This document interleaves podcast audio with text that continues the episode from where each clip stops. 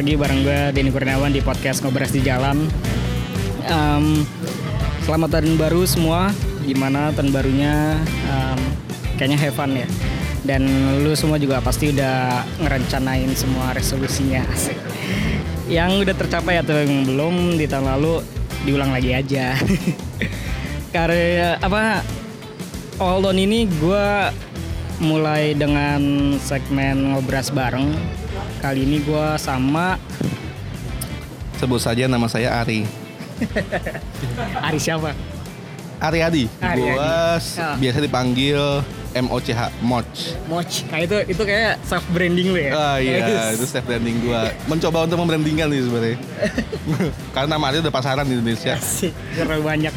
Ri, eh, lu biasa kalau memperkenalkan diri lu sebagai apa itu Ri? Gue lebih senang sih disebut sebagai content creator ya. Karena buat gue content creator itu luas banget gitu loh. Jadi nggak nggak hanya sekedar kita misalkan dari ya basic di awal kan gue sebagai ilustrator gitu loh. Ya. Dari situ gue ber- eh, emang prosesnya panjang banget.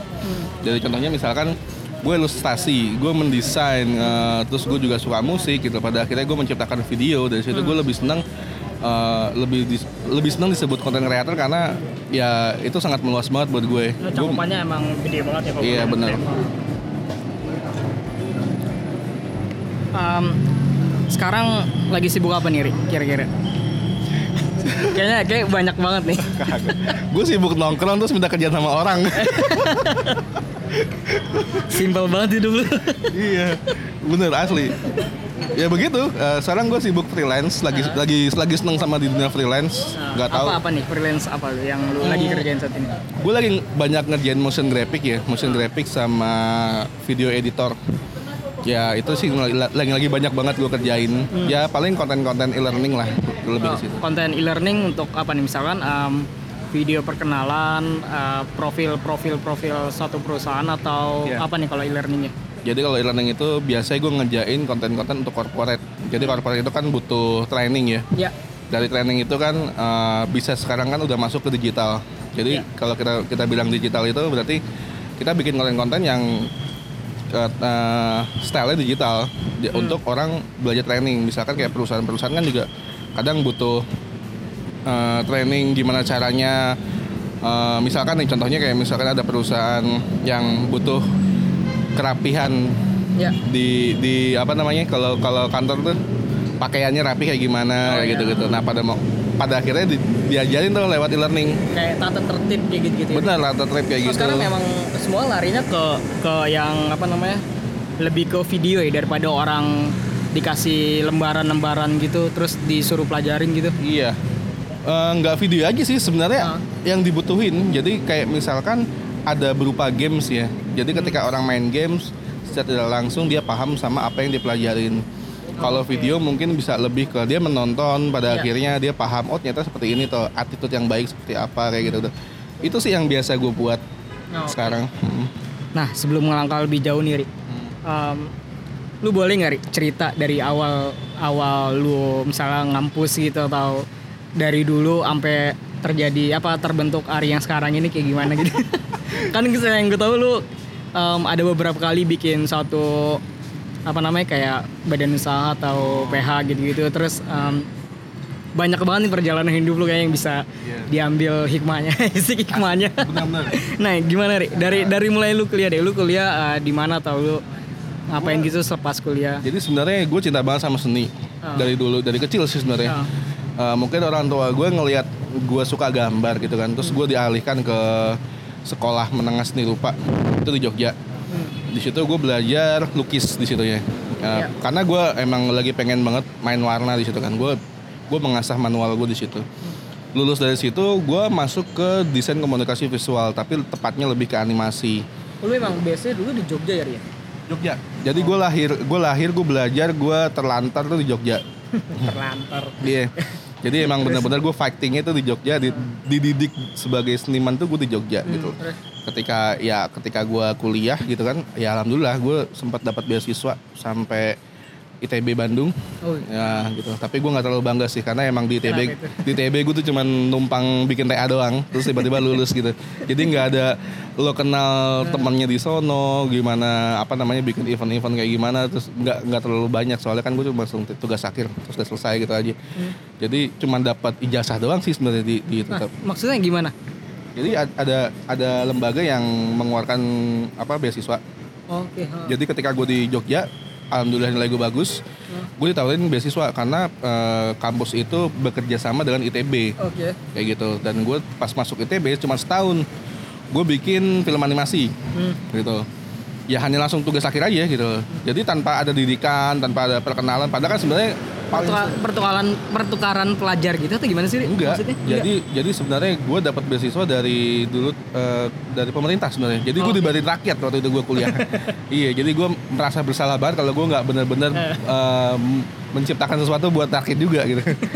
jadi intinya gue langsung tugas akhir sama teman-teman di sono bikin animasi yang padahal kalau gue bilang gue juga juga cukup nyesel sih kenapa gue dapat beasiswa. Soalnya ketika gue sebenarnya sih kalau gue nggak dapat beasiswa ya gue bayar gitu misalkan dari dari dari duit sendiri gitu. Itu bisa eh, suasananya kan beda ya. Misalkan kayak lo kuliah itu sebenarnya bukan pelajarnya tapi lingkungannya yang bisa ngebentuk lo kayak Iya. gitu gitu dan dan menurut gue sih waktu waktu pas gue dapat beasiswa itu eh, gue kurang mendapatkan hal itu. Cuman gue lebih senangnya adalah ketika gue dapat ijazah gitu loh. Wah gila bangga banget ya. Mungkin zaman sekarang buat gue sih ternyata ah nggak ngaruh banget ijazah gila men cuman buat tender tender doang oke lah gitu buat perusahaan Tapi itu eh, atas nama yang ITB-nya atau yang tempat ITB. lu di Jogja? Oh ITB. ha. Sampai sekarang masih ada kayak gitu. Ri?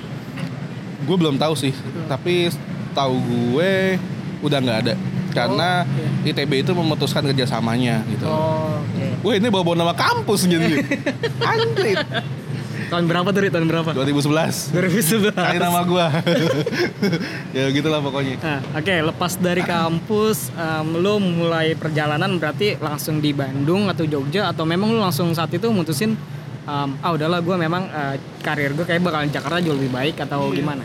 Jadi tuh gua ketika gua lulus tuh gue belum punya jadi diri ya Jadi ketika gua pas lulus itu Oh gue belum menyebut gua Oke gua animator gitu Atau oke gue desainer gitu Gue belum tahu sebenarnya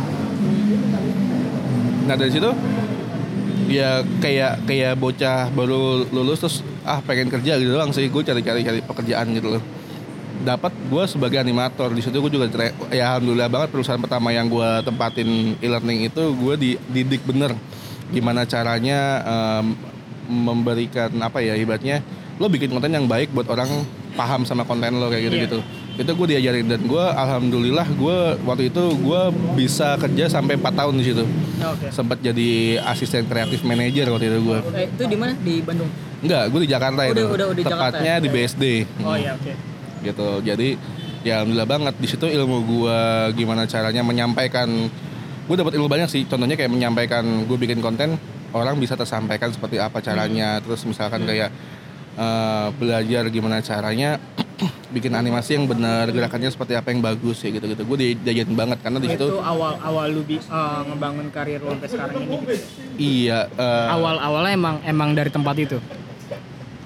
Atau lu di tempat itu udah udah punya model semua itu, Ri? Enggak, belum, Belum. juga. Jadi emang gue juga masih bingung tuh. Gue pengen banget bikin film, pengen banget bikin film kayak gitu. Cuman di situ kebetulan ya karena kontennya di situ kan emang konten e-learning ya. Jadi emang aplikasi.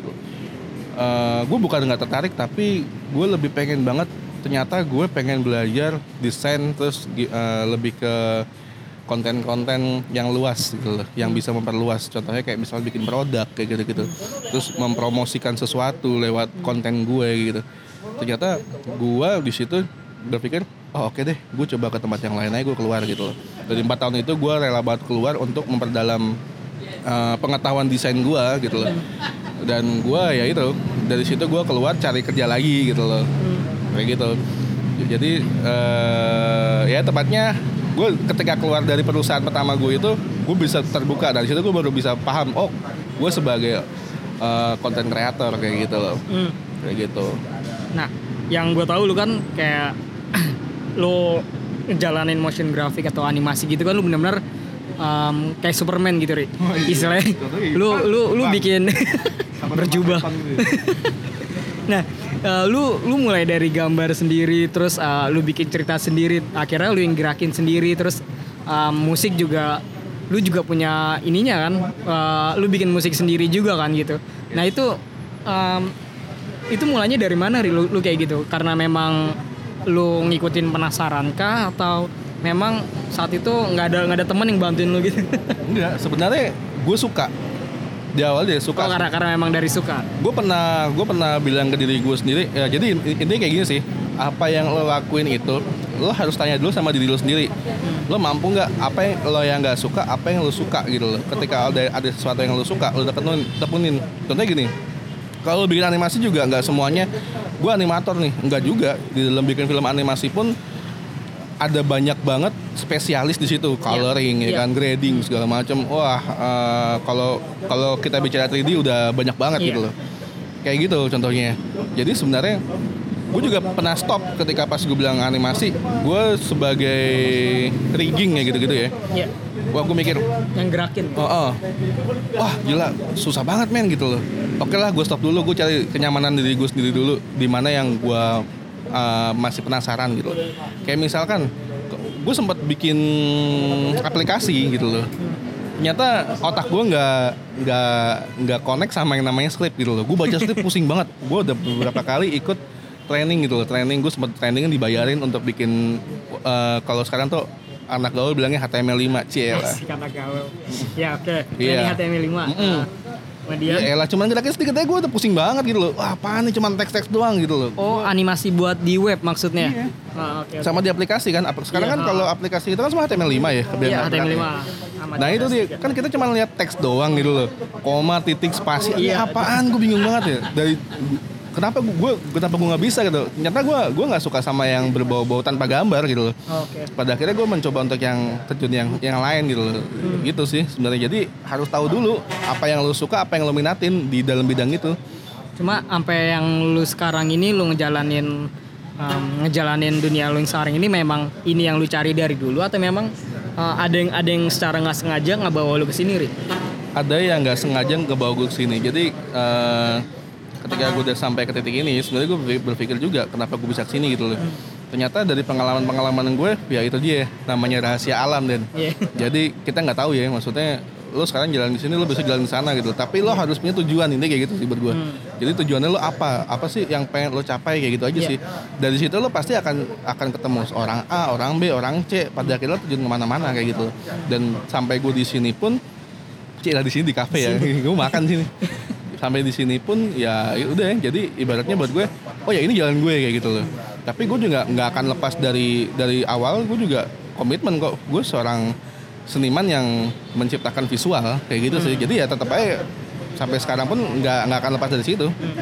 Dan ya akhirnya lu mutusin buat um, ah udahlah yang namanya script dan code kayak gitu. Iya. Kayaknya nggak nggak cocok sama hidup lu gitu. Iya, lagi, lagian juga kalau gue membuat semua kan gila loh. Ntar gue bisa kerja sendiri, kayaknya nggak adil banget hidup gitu loh. ya kan lebih enak kan kita kerja rame-rame Iya. kayak gitu-gitu kan. Pada akhirnya kita bisa ngasih job A, ngasih job B kayak gitu-gitu tuh itu, itu ternyata lebih seneng gitu loh. Pas gue ngerasain freelance tuh itu yang gue rasain sekarang gitu loh. Jadi beda banget kayak dulu kan misalnya gue dapet nih oh tenang aja gue bisa semua mampus sendiri gue gitu loh terus ketika gue bagi-bagi konsepnya ke temen-temen kita bagi-bagi kita meeting kita bikin sesuatu akhirnya bentuk sesuatu karya bareng-bareng gitu evaluasi bareng-bareng. Dulu gue lebih seneng ya gitu. Jadi kayak kayak ngebangun sesuatu dengan bareng-bareng gitu. Nah, nah, dari dari kayak lu kayak gitu tuh Ri, cara lu buat kayak menyebarkan ide tuh gimana Ri? Karena kan um, saat uh, brainstorm gitu kan nggak nggak semua orang bisa paham apa yang um, lu kan uh, datang ke klien terus um, bawa konsep atau dapat brief dari klien terus bawa ke tim. Pas proses brainstorm itu kan ada ada sesuatu yang lu harus sampaikan ke tim. Dan nah itu cara-cara lu gimana biar biar tim itu jadi jadi lebih harmonis gitu Ri, buat bisa dan dan lebih gampang nangkepnya dari dari lu yang yang lu yang yang apa yang lu sampein kayak gitu. Ya dan sebenarnya outputnya juga malah bagus. sebenarnya kalau dibilang project itu berjalan dengan lancar mm, mengikuti workflow itu kadang-kadang emang agak susah banget ya. Kita ketemu klien itu pasti beda-beda apalagi ketemu orang yang benar-benar nggak paham sama sekali gitu loh.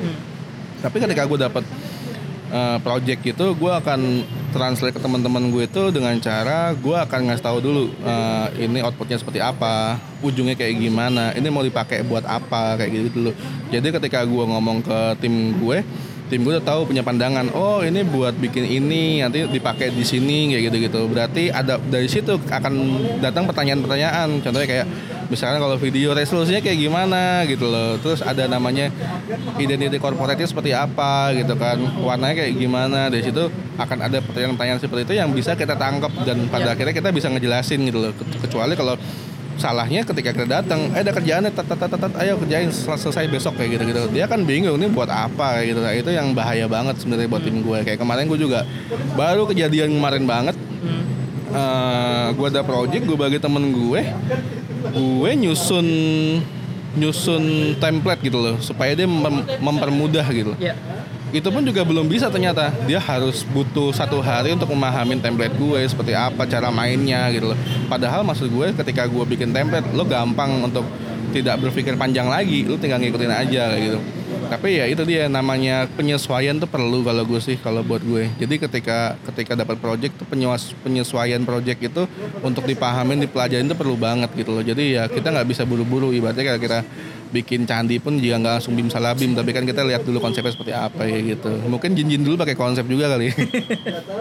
Jadi ada arsiteknya gitu ya yang bikin terus mereka bikin blueprintnya gitu. Blueprintnya benar. di kayangan. Hmm, contohnya depan lo ini gambar gajah ini yang desain gue nih. Asik. Ini candi juga.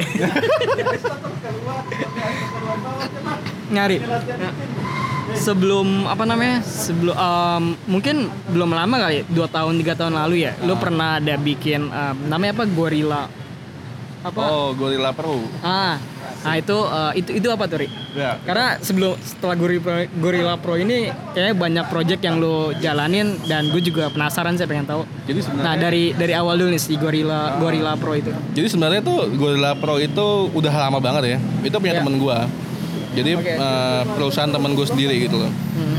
uh, temen gue fokus di bidang apa live action untuk untuk syutingnya gitu lah hmm. ketemu sama gue berharap untuk bikin konten yang lebih banyak karena gue kan fokusnya ke animasi ke desain hmm. ketika kita bergabung itu siapa tahu kita mempunyai skill yang hebat tambah hebat buat gue sih kayak yeah. gitu ternyata berjalannya waktu gue belum setahun itu kita kita pisah bukan marahan tapi kita uh, berpikir dewasa aja. Ternyata kita nggak bisa ngejalanin ini bareng-bareng. Kenapa? Soalnya gini ketika kita ketemu orang yang kreatif dan ketemu orang yang kreatif bikin sesuatu itu pasti jadi. Ya. tapi kita nggak tahu mau jualnya ke mana. Oh. kayak gitu. Siapa sih yang ngejual barang kita? Gitu loh. Kita paling cuma nungguin temen yang tahu kita berkarya pada akhirnya tolong buatin gitu loh. Ya. paling seperti itu doang gitu loh. Pada akhirnya tapi uh, pada akhirnya kita kan nggak tahu uh, apa namanya kayak kayak mau dibawa ke mana sih jadinya gitu loh kayak gitu terus pada akhirnya uh, kita kan kalau kalau ngebangun sesuatu tuh pasti ada yang namanya kita punya tim tim itu dan berkorban sama kita dari berkorban sama kita dia butuh dana juga buat hidup kayak gitu loh. Yeah. di bawah bawah situ tuh pasti ada yang ada yang bergantung sama kita juga gitu dari situ pun sebagai gue sebagai owner juga sama teman gue berpikir gimana caranya menghidupin teman-teman gue kayak gitu hmm. dari situ ada pengeluaran pasti harus ada pemasukan. Ya. dan pemasukan itu gue kurang banget gitu loh. Pada akhirnya gue berpikir oh ternyata kita butuh orang bisnis. Dan ya. tidak secepat itu kita butuh uh, mendapatkan orang bisnis gitu loh. Ya udah pada akhirnya uh, kita nggak bisa seinsan itu sih sebenarnya untuk untuk membangun sebuah perusahaan yang yang notabene kita emang nggak punya budget banget banget ya hmm. gitu loh. Terus kita buka perusahaan yang harus terstruktur. Ada karyawan ada pembantu kayak gitu ada sewa rumah gitu kan. Hmm. kita harus ngelakuin gitu. Dan ya buat gue berpikir wah terlalu cepat juga ternyata gue dan gue dulu yeah. gue, gue dulu nekat gitu loh ketika ada oh, project okay. oh mungkin ini bisa nih buat buat start awal gitu. ternyata nggak juga gitu oh, belum ada pertimbangan belum untuk... ada pertimbangan itu cuma modal nekat doang gue sama temen gue dan nggak bubar sih ya udah kita jalan masing-masing ketika oh, iya. jalan masing-masing ya alhamdulillah juga uh, lancar gitu loh malah, Tapi, malah, malah berdatangan kayak gitu mm -mm, ya ya namanya rezeki kita nggak tahu ya yeah. dari, dari Tuhan kan gitu loh jadi buat gue ketika gue jatuh kayak gue nggak gue nggak bilang jatuh sih tapi itu buat gue adalah kegagalan yang yang mungkin kalau kita sekolah tuh kita nggak nggak pernah diajarin dari sekolah gitu. Nah, gimana cara ngadepin kegagalan? Ya nggak mungkin juga kan di sekolah. Ya ada juga sekolah uh, contoh-contoh orang sukses kayak gitu gitu kan. Jadi buat gue tuh itu ilmu gitu loh. Jadi ilmu terakhir gue ketika gue dari kuliah dari gue kerja kayak gitu itu gue gue gue nggak dapat gitu dari situ. Jadi gue jatuh di situ ya gue udah berpikir wah gila gue udah ber, berpuluh-puluh tahun ya gue gue masuk ke bidang ini gitu. Stop juga gue juga nggak mau gitu gue juga tetap jalan gitu. Gue komitmen. Ya akhirnya gue jalanin aja. Banyak-banyak nongkrong ketemu temen alhamdulillah dapet job-job sih yang pada akhirnya gue bisa ngerjain bareng. Dan banyak temen juga nggak cuma satu dua gitu loh. Itu yang gue gue nikmatin sampai sekarang. Nah, um, gue semenjak kenal lu itu kira, uh, kira kita kenal dua tahun atau tiga tahun yang lalu ya? Kira Eh, kita kenal tuh dua tahun yang lalu dua tahunan ya. Nah, semenjak itu tuh gue ngeliat lu kayak ini ini orang um, rasa idealisnya itu atau egonya tuh udah udah udah nggak ada sama sekali atau memang lu lu udah udah udah berdamai sama itu dari sejak lama sih karena nggak uh, di apa namanya, di dalam satu tim apalagi lu kan udah apa namanya mencakup semua nih Ri. lu namanya ngerjain. Gila tuh motor ya. Udah udah udah ngecakup semua semua ini. Dari mulai lu ngedesain terus uh, lu lu ilustrasi sendiri lu uh, apa jadi jadi storyteller gitu. Terus saat saat lu kerja dalam tim itu lu bisa bisa ngalahin ego lu itu. Nah itu sebenarnya uh, sejak kapan lu bisa bisa damai dengan itu? Atau memang sama sekali lu nggak punya perasaan itu Enggak, sebenarnya gue kayak nggak mungkin sih manusia nggak punya kayak Iya, gitu. se- sebenarnya gue agak egois juga gitu dulu gue Eh, oh bisa kok gue ngerjain udah gue aja gue aja. Udah penting duitnya gede juga kayak gitu Iya, iya. pikir. tapi sebenarnya itu nggak sehat buat diri gue sendiri juga gitu nah kalau gue sejak sejak kapan kayak gitu? Lu lu bisa damai sama sejak gue freelance sebenarnya. Jadi ketika lo masuk kantor siapa sih perusahaan yang nggak mau kalau lo bisa semua ya kan? Gitu? iya. Pasti lo bisa mampus di, di, Iya. dikuras seperti itu juga gitu loh. Dan mungkin kalau orang yang dengar kayak gini oh iya juga ya gitu. Nah. banyak kayak gitu juga gitu loh tapi ya itu namanya juga kita kerja di perusahaan ya kita akan nurutin apa yang permintaan perusahaan juga mau Iya. dibutuhkan kan kayak gitu. Tapi segi positifnya akhirnya lo jago kayak gitu. Karena dikasih kesempatan bikin kayak gitu. Segi negatifnya ya ya dari dari lo nggak bisa fokus. Gue pernah gue pernah berpikir gini eh gue nggak punya karya gue nggak punya film. Eh gue pernah eh, mas eh, ngelamar kerja ceritanya. Gue pede banget dong ya kan. Wah pengalaman gue banyak nih. Gue udah gue udah eh, ibaratnya otak gue tuh udah banyak banget vitamin gitu. Tinggal tinggal gue nunjukin aja kalau gue nih orang sehat kayak gitu kayak gitu. Iya. ketika gue gue ngelamar gue cuman butuh skate lo dan gue kasih skate gue karya gue dikit banget men. Hmm. jadi dari situ eh, pas wawancara gue eh, enggak gue nggak cocok sama skate lo gitu loh gue butuh orang yang fokus di bagian skate. Kalau lo sih ini lebih fokus ke umum gitu loh. Karya lo tuh jadi nggak ada spesialnya gitu loh. Itu saat saat lu uh, ngerjain semua itu sendirian gitu? Jadi dari situ gue bilang oh iya gue baru sadar. Kalau gue ngerjain semua kayak gini nggak ada spesialnya di gue gitu loh. Gue harus gue harus orang harus tahu gue ini siapa gitu loh. Iya. Jadi gitu. Oh iya juga ya. Eh, pada akhirnya gitu ketika gue dapat project dari situ gue berpikir oh gue butuh seorang editor. Walaupun gue bisa ngedit tapi paling gue cuma ngedirect dia seperti apa yang gue pengenin kayak gitu. Ketika gue oh ternyata gue butuh orang audio kayak gitu. Dari situ gue juga gue nggak perlu egois. Oh gue bisa kok gitu loh. Ya kapan lo bikinnya?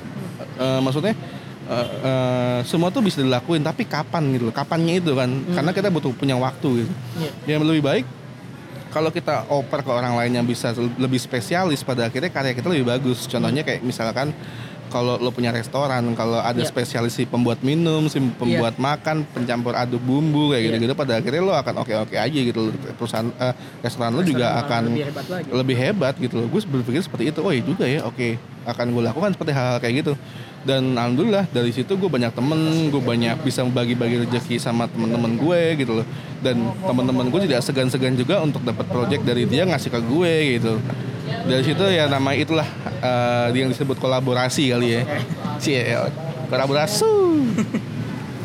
Dan em, setelah jalan semuanya akhirnya lu eh lu dulu pernah ngerjain konten YouTube untuk orang gitu kan Ri? Nah, itu, itu menarik tuh Ri. Kayak buat lu buat konten anak kecil ya? Wah, gokil gitu. itu. Itu gimana Ri? Gua gua tertarik banget tuh buat denger ceritanya. gue punya gue punya gue gue gue bisa bilang mentor gue waktu pertama kali dia gue dia ngajarin gue animasi pakai dulu masih ada Adobe Flash ya Oh iya.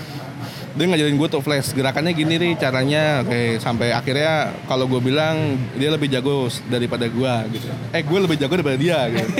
Ya karena dia punya karena dia punya metode uh, kalau semakin lebih tua kita udah nggak udah kita udah nggak perlu kerja yang kerja anak buah dia mikir gitu kalau gue nggak gitu.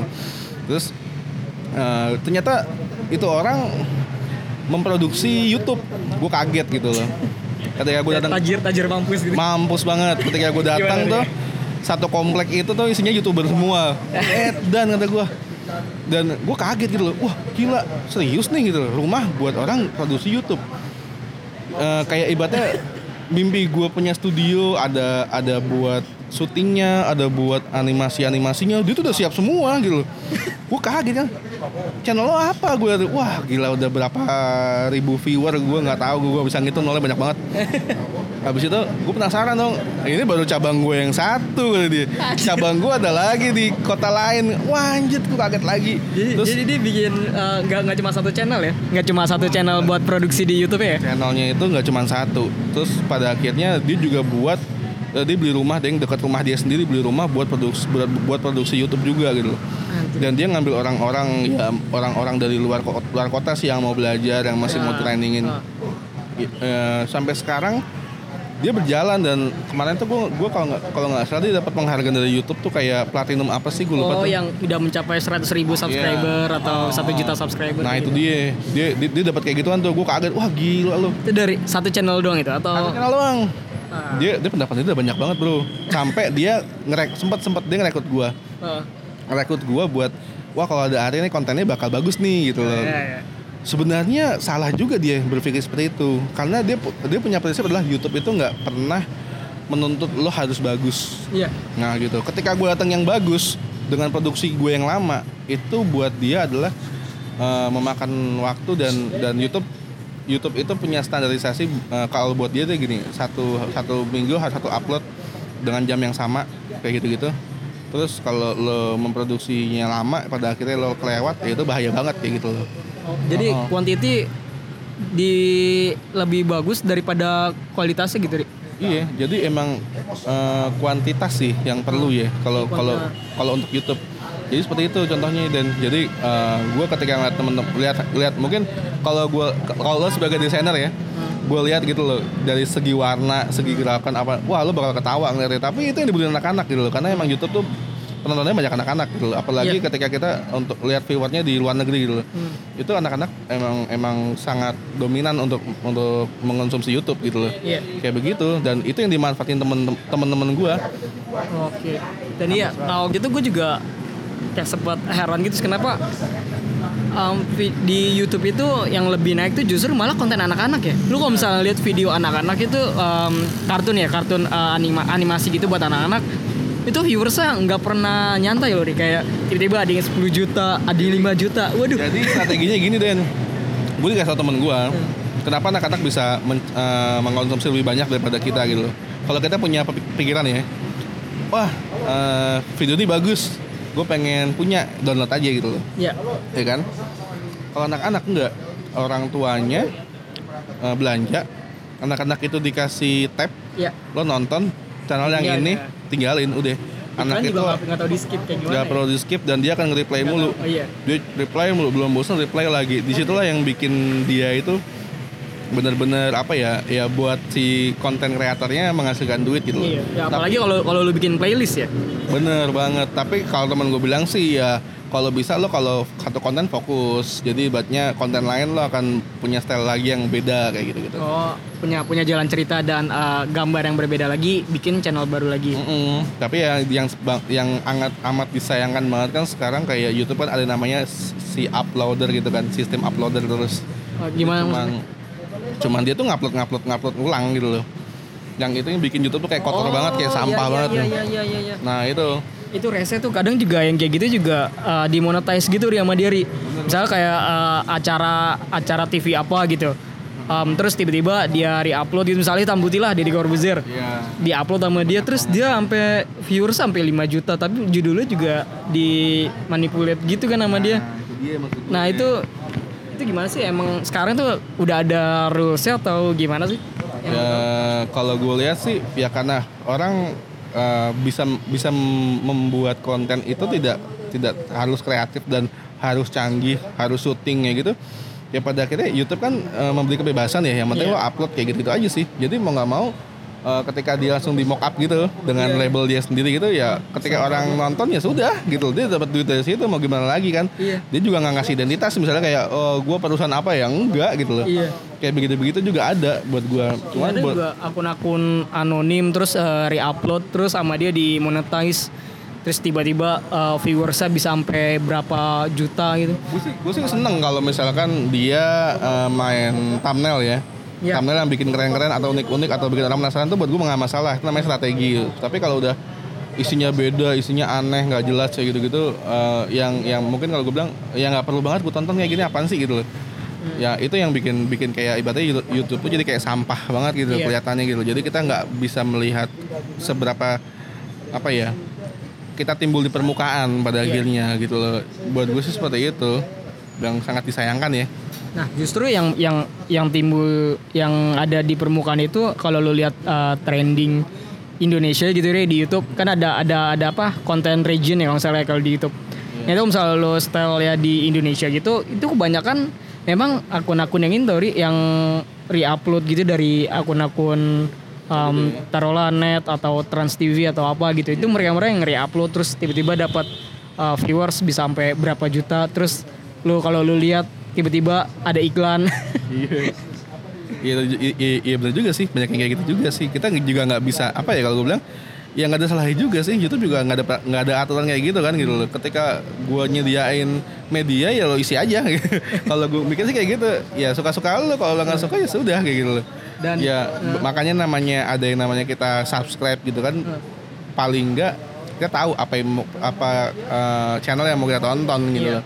Daripada kita asal-asalan main klik klik klik nggak jelas kayak gitu. Ya itu gue gue juga uh, sering banget ngeliat kayak gitu. Kesel juga sih kayak gue step yang gue ngeliat yang kayak gitu yang akun uh, anonim atau apa terus tiba-tiba dia re, apa re-upload dari konten yang lain ya gue lebih baik kayak langsung pilih terus uh, not not not interest kayak gitu. Jadi kan uh, yang kayak gitu nggak bakalan muncul lagi tuh di di YouTube Di kita YouTube tuh kita. Iya benar. itu benar. dan dan semua itu nggak nggak cuma di YouTube doang.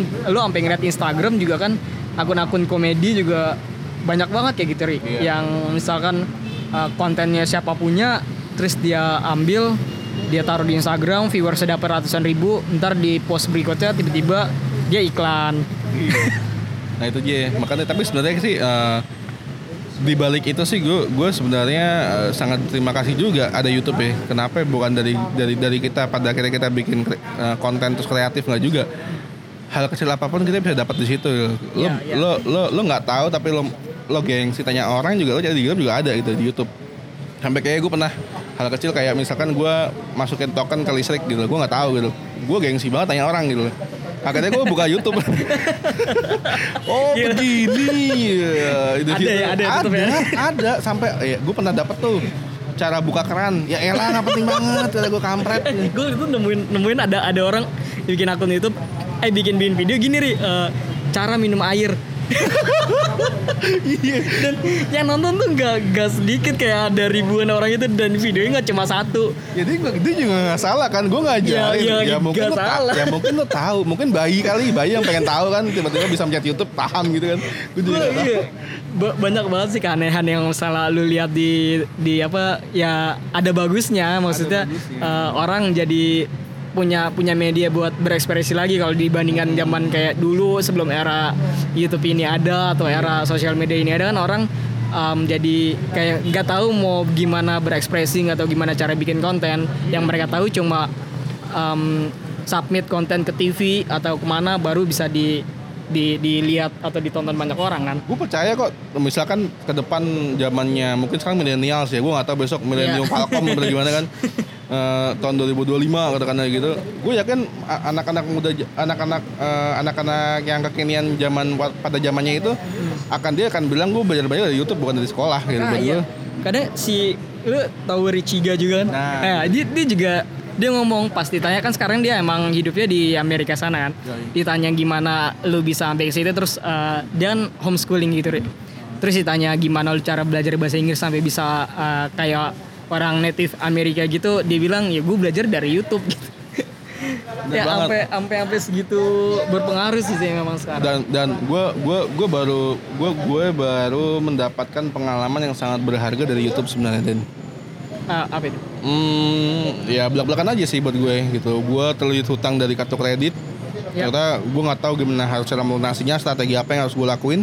Gue buka YouTube, alhamdulillah. ini demi Allah Den. Baru bulan ini gue gua gua gue mendapatkan ilmu dari Dapat situ. dapat lu dapat strategi tuh Ri, dari kayak gitu. Strategi. Gue gue tuh hampir ketipu, hampir ketipu gitu loh gimana cara melunaskan gitu loh. Hmm. Ada orang ketiga, orang keempat gitu-gitu yang yang notabene uh, dia bilang aman aman aman gitu-gitu. Padahal kan mau nggak mau gue harus harus melunasi kayak gitu. Iya. Terus ya iseng aja gitu, gue malam-malam buka YouTube aja kali aja ada orang yang mau ngajarin. Eh bener, gue lakuin Den. Berhasil gue alhamdulillah. Bulan ini gue lunas satu kredit gue. Serius, gua- ini gue nggak bohong ya. Asli ini ini bukti banget nih gue ngomong kayak gini. Gue nggak malu gue bilang, oh lu punya banyak utang kali ya? Iya, orang banyak utang mah fan-fan aja Iya, banyak kok. bener-bener. Orang kaya aja pasti utangnya banyak gitu. Iya. Gue gue gue dapat hal itu dan itu YouTube yang nyelamatin gue gitu loh. YouTube lebih dari TV. Iya. Eh, ya bisa mau gimana lagi? Eh, TV-TV sekarang semuanya juga yang nyarin juga Jakarta doang gitu. Lu lu sendiri juga eh, kita juga ngeliat TV juga nggak pernah tahu berita di Sulawesi kayak gimana, di Sulawesi ada kemajuan apa, di Papua ada kemajuan apa. Ya semuanya yang diekspos ya cuma Jakarta doang gitu. Yoi. Dan gokil lagi bini gue nih. Bini gue tuh cuma megang tab kayak kayak bocah gitu kalau di rumah. Ngapain? Eh, dia itu selalu ngikutin perkembangan Jokowi. Ah, Jokowi itu juga banyak loh itunya apa namanya? Yang iya. yang re-upload itu re. Ketika gue dapat info nih, eh tau gak lo Jokowi udah tahu. Buset, gue selalu gitu. Lo tau gak Jokowi udah tahu gue gitu. Kemarin ada anak-anak kecil yang dapat sepeda gitu udah tahu. Bini gue udah gitu mulu kalau kalau ketemu gila kata gue sampai Iya, sampai anak kecil juga kalau selalu waktu itu di gue gue ngeliat juga sih eh, dia bilang ditanya mau jadi apa sih ternyata dia bilang ya memang mau jadi youtuber gitu Ri. Ini kayak youtuber sekarang itu, tuh itu YouTube itu kayak ibaratnya guru yang mulia buat gue. Kalau zaman dulu kan guru itu eh, tugas yang mulia banget ya. iya Kan youtuber ada tugas yang jadi orang yang mulia dari guru. Buat gue sih kayak gitu sekarang. yang yang lu tonton biasanya apa sih kalau di YouTube? Kalau YouTube sih gue nonton biasanya eh, lebih ke tutorial sih. Tutorial. Apa, tutorial apa ya? Misalkan gini, jujur aja gue eh, baru bisa nginstal komputer itu tahun 2012. Ah, Itu gue belajar dari YouTube. Nah. Dari situ kayak tutorial terus tiba-tiba gue pengen belajar efek-efek nih karena gue kan suka special effect kayak gitu. Iya. Gue dari YouTube. Kalau mentok-mentok nggak dapat dari YouTube, gue tanya teman gue. Tapi gue nggak mau bertele-tele. Gue pasti dari YouTube dulu, klik how dulu, baru isinya apa gitu. Ya. Ya, iya gitu. Kalau gue sih kebanyakan lebih ke tutorial sih. Tutorial sama biasanya eh yang lagi banyak ini nih, yang lagi banyak konten menarik-menarik tuh kayak misalkan stand up comedy tuh. Oh iya. Wah, gue seneng banget tuh sambil dengerin. Apalagi gue lebih demen sama stand up komedinya si Panji tuh yang selalu Oh, motivasi iya. tuh. Ah. Kadang-kadang gue lagi kerjain project itu gue denger-denger omongan dia gitu, dapat ilmu-ilmu lah gitu. Nah. Asiknya. ngomong-ngomong kayak video YouTube Ri kan belum lama lu ada ap- lu juga aktif kan di YouTube kayak lu bikin konten macam-macam ya lu ah, bikin bikin vlog lah lu cover-cover lagu terus ah, yang yang menarik nih Ri sebenarnya Ri. satu video nih Ri yang gue mau tanya sama lu, lu lu juga pasti tahu sih yang video ini apa bola. yang eh itu Iya iya iya iya. itu aneh banget nih maksud maksud gue gue banget. gue awal awal nonton pas uh, lu upload gue nonton tuh masih cuma berapa puluh ri Nah. terus uh, seminggu kemudian video lu muncul lagi di uh, YouTube gue per di permukaan terus udah seratus ribu. Terus sekarang uh, terakhir nih kemarin gue ngeliat nih ri. Udah 200 250-an ribu ri. Iya. itu sebenarnya. Itu tuh- gitu kenapa ri? gue gue heran banget. Jadi gue udah susah payah bini gue kan bini gue bikin kerajinan pakai kertas ya kan kampret banget ya nonton viewernya oke gue so main-main kuliner sosok WhatsApp guys WhatsApp guys gitu gitu kan Iya, bikin konten. ya kan oke terus gue rame-rame sama temen lu gitu kan Nah, iya, eh, terus gitu. travel ke mana terus eh, lu makan apa Iya. yang ma ma- madang apa mabang Madang, makan nendang gitu. Jadi kalau kalau lo mau lihat lo ke YouTube gua aja ada Madang makan nendang. Itu kamet Anjir, kalau misalnya gue liat gue liat scrolling video, video lu itu yang paling enak itu video itu dan dan memang lu eh, nggak nger- nggak ngerekam sampai habis waktu itu ya Ah, Iya. terakhir jadi jadi hujan, lucu. hujan gede gitu Jadi lucu itu gini, gua dapat job nih.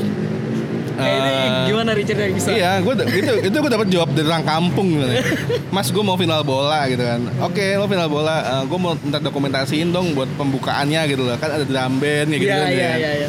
Gue bilang kenapa nggak sekalian bola aja deh gue shoot gitu. Lo bisa mas, bilang tenang aja gampang sama gue gitu. Gue buatin lo kayak Liga Inggris gitu. gue kayak gitu kan. Oh oke oke oke boleh boleh boleh. Eh, budgetnya berapa? Gue bilang udah nggak usah pakai budget gue bilang gitu. Lo kasih gue makan, kasih gue sewa alat gue bilang gitu. Udah lo nggak usah kasih gue duit buat hasil keringet gue apa sama teman-teman gue. emang buat happy happyan lu ya. Itu gitu. itu salah satu konten eksperimen gue sebenarnya. Oke. Nggak tahu ada apa enggak gitu loh untuk untuk orang serius banget eh, ngesut sepak bola seperti di TV gitu loh. Gue mikirnya kayak iya. gitu kan.